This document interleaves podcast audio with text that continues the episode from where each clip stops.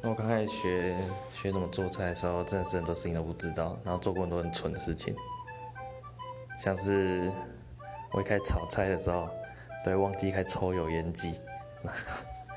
然后就一直被骂说这种厨房味道很重。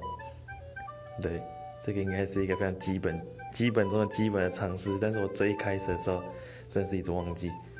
对我现在已经不会忘记了。